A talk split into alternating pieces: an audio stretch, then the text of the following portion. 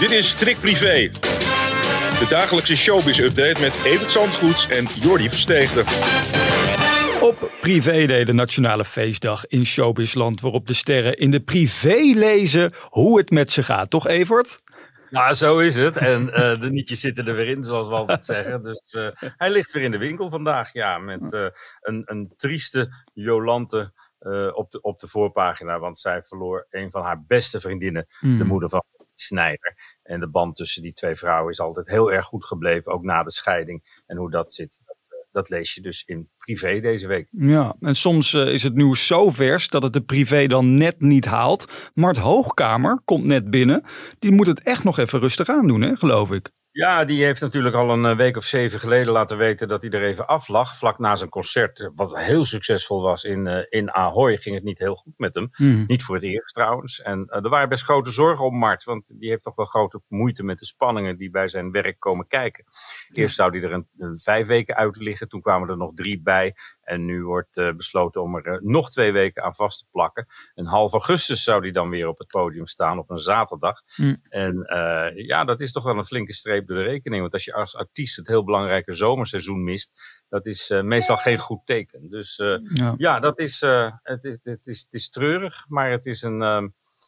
ja, wat zou ik zeggen? Een, een, de, de, tol van de roem die ook hij betaalt. Ik vraag me af, uh, ja, krijgt hij nog adviezen van mede-artiesten? Hè? Bijvoorbeeld André Hazes heeft het ook een tijd rustig aan moeten doen. Nou, er zijn er genoeg die erover ja. kunnen meepraten. Ja. Tot en met een Gerard Joling aan toe, die er ook wel eens afgelegen heeft. Ja. Maar ja, hij moet gewoon echt zichzelf bij elkaar rapen. En proberen te gaan genieten van het enorme succes wat hij in een paar jaar uh, bereikt heeft. Ja. En waar hij in de jaren daarvoor alleen maar van kon dromen. Ja, nou genieten. Dat is makkelijker gezegd dan gedaan. Dus uh, ik hoop nog eens van hem te horen wat er nou was en hoe hij het uh, nu anders gaat doen. En dan lees je dat uh, ongetwijfeld in de privé.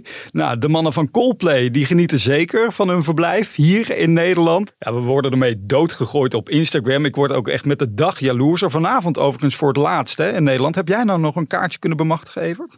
Nee, ik heb ook shownieuws vanavond, dus helaas, oh. het zit er niet in. Maar ik rijd dan terug van shownieuws naar Amsterdam. En dan kom je die enorme file tegen die er midden in de nacht vanuit die arena stroomt. Dan zie je oh, altijd dat er echt wat groots aan de hand was. Ja. En uh, ja, er is zoveel verkeer s'avonds, terwijl ik meestal in mijn eentje over die weg rijd. Dat is, uh, dat is echt heel opvallend. Ja, dat maakt wat los, Coldplay in Nederland. En uh, ik kreeg net cijfers van Spotify door. Ja, ook wat je dan ziet, is dat ook mensen ineens onderweg naar zo'n concert of terug, of gewoon mm -hmm. nog om het na te genieten of de voorpret. Enorm die, die muziek gaat, gaat, gaat draaien. En een nummer als Everglow, dat het is dan 182 procent meer gedraaid dan, dan normaal. Wow. En Paradise 126, Viva la Vida natuurlijk ook een van de, van de knallers. Je ziet het onmiddellijk terug in die cijfers. Ja. En Spotify deelt dat uh, tegenwoordig uh, met ons. En ik vind dat wel leuk om te zien, moet ik zeggen. Ik had een uh, collega die er gisteravond was en die heeft de hele nacht niet kunnen slapen. Omdat ze nog zo aan het natrillen was van dat concert. Het heeft zoveel indruk gemaakt op haar. Dus ja, voor iedereen die vanavond nog gaat, zeggen wij ontzettend veel plezier. En jij komt ze dan ja, weer tegen. Je hoort iedereen erover. En ja. uh, dat is toch wel heel knap als je dat losmaakt, wereldwijd zo'n beetje. Ja, gaaf. Zeg, is er nog nieuws uit Hamburg? Sylvie Meis heeft natuurlijk die inbraak achter de rug. Um, is er al laatste nieuws eigenlijk? Nee, het is heel erg stil. Sylvie zelf reageert ook niet. Die post alleen een uh, foto met een van haar beste gay friends. Die uh, uh, door sommige media als haar nieuwe liefde wordt gezien. nou, dat is hij al. Dat is deze jongen al een jaar of twaalf. Die ving er ook al op toen de scheiding met Rafael er was. Dus nee, daar is nooit tussen die twee een, verder een vonk overgesprongen. Ja. Maar het is heel goed om vrienden om je heen te hebben. Want het is wel een klap. Als mensen aan je spullen gezeten hebben je eigen huis, waar je zeker als vrouw alleen veilig moet voelen, dat is uh, geen prettige ervaring voor Sylvie. En uh, ja, het is, er wordt hier en daar wat besmuikt gelachen om, om wie nou, heeft er nou voor acht ton aan tas. Mm -hmm. Ja, het is een beetje haar werk, hè? Ja. Influencen. En daar hou je wel eens een tasje aan over. Ik vroeg me nog af, hè, zou dit voor haar een reden kunnen zijn om te gaan verhuizen? Om bijvoorbeeld te zeggen, ik ga Damian achterna, ik ga ook in Amsterdam wonen.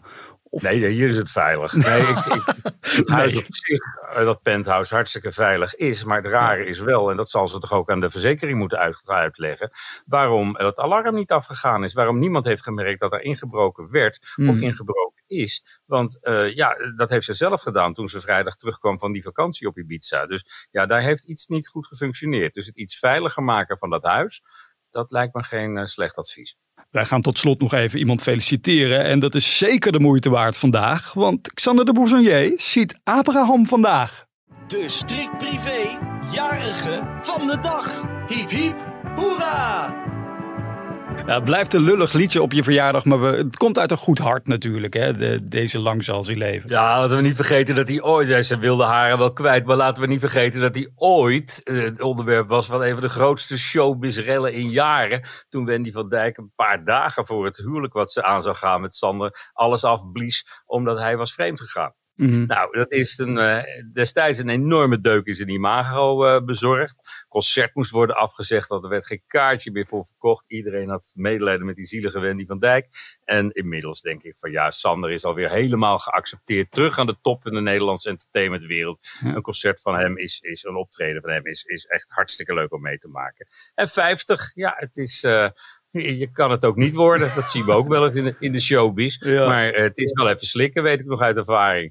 50 worden is, eh, doet wat met je. En hij heeft onlangs een liedje uitgebracht met zijn zoon, hè? Sam van Dijk. Eh ontzettend mooi ook. Dus Xander, Dat ook samen zitten promoten in talkshows. Ja, dan gaan wat deuren open voor Sander nog steeds. kijk, van harte gefeliciteerd. En zullen wij dan eindigen met onze eigen zomerhit, Evert? Laten we dat doen. En de aankondiging dat we er morgen weer zijn. Rond dezelfde tijd. De zon schijnt bij Evert Zantegoed. Met Jordi aan zijn zij. Want het is zomer.